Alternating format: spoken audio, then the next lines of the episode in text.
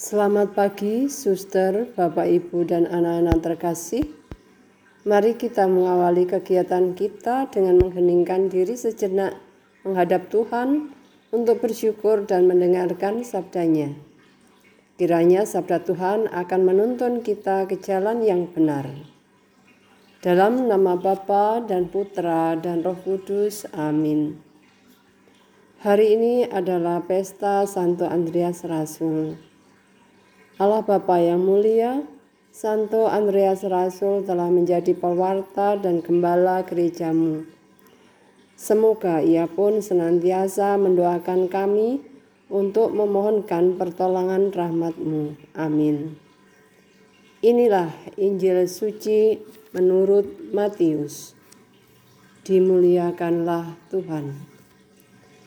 Pada suatu hari, Ketika Yesus sedang berjalan menyusur Danau Galilea, ia melihat dua orang bersaudara, yaitu Simon yang disebut Petrus dan Andreas saudaranya. Mereka sedang menebarkan jala di danau, sebab mereka itu penjala ikan.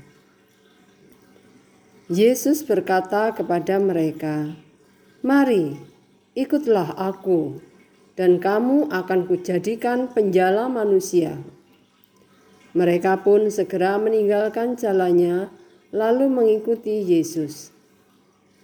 Setelah Yesus pergi dari sana, dilihatnya pula dua orang bersaudara, yakni Yakobus anak Sebedeus dan Yohanes saudaranya. Bersama ayah mereka Sebedeus sedang membereskan jala di dalam perahu. Yesus memanggil mereka dan mereka segera meninggalkan perahu serta ayahnya lalu mengikuti dia. Demikianlah sabda Tuhan. Terpujilah Kristus. Suster, Bapak, Ibu, dan anak-anak terkasih, dalam Injil hari ini diceritakan bahwa Yesus berjumpa dengan empat orang penjala ikan saat menyusuri Danau Galilea. Yesus lalu memanggil mereka untuk dijadikan sebagai penjala manusia. Pada hakikatnya, Yesus pun juga memanggil kita untuk menjadi pewarta kabar baik bagi dunia dan sesama, apa pun status dan pekerjaan kita.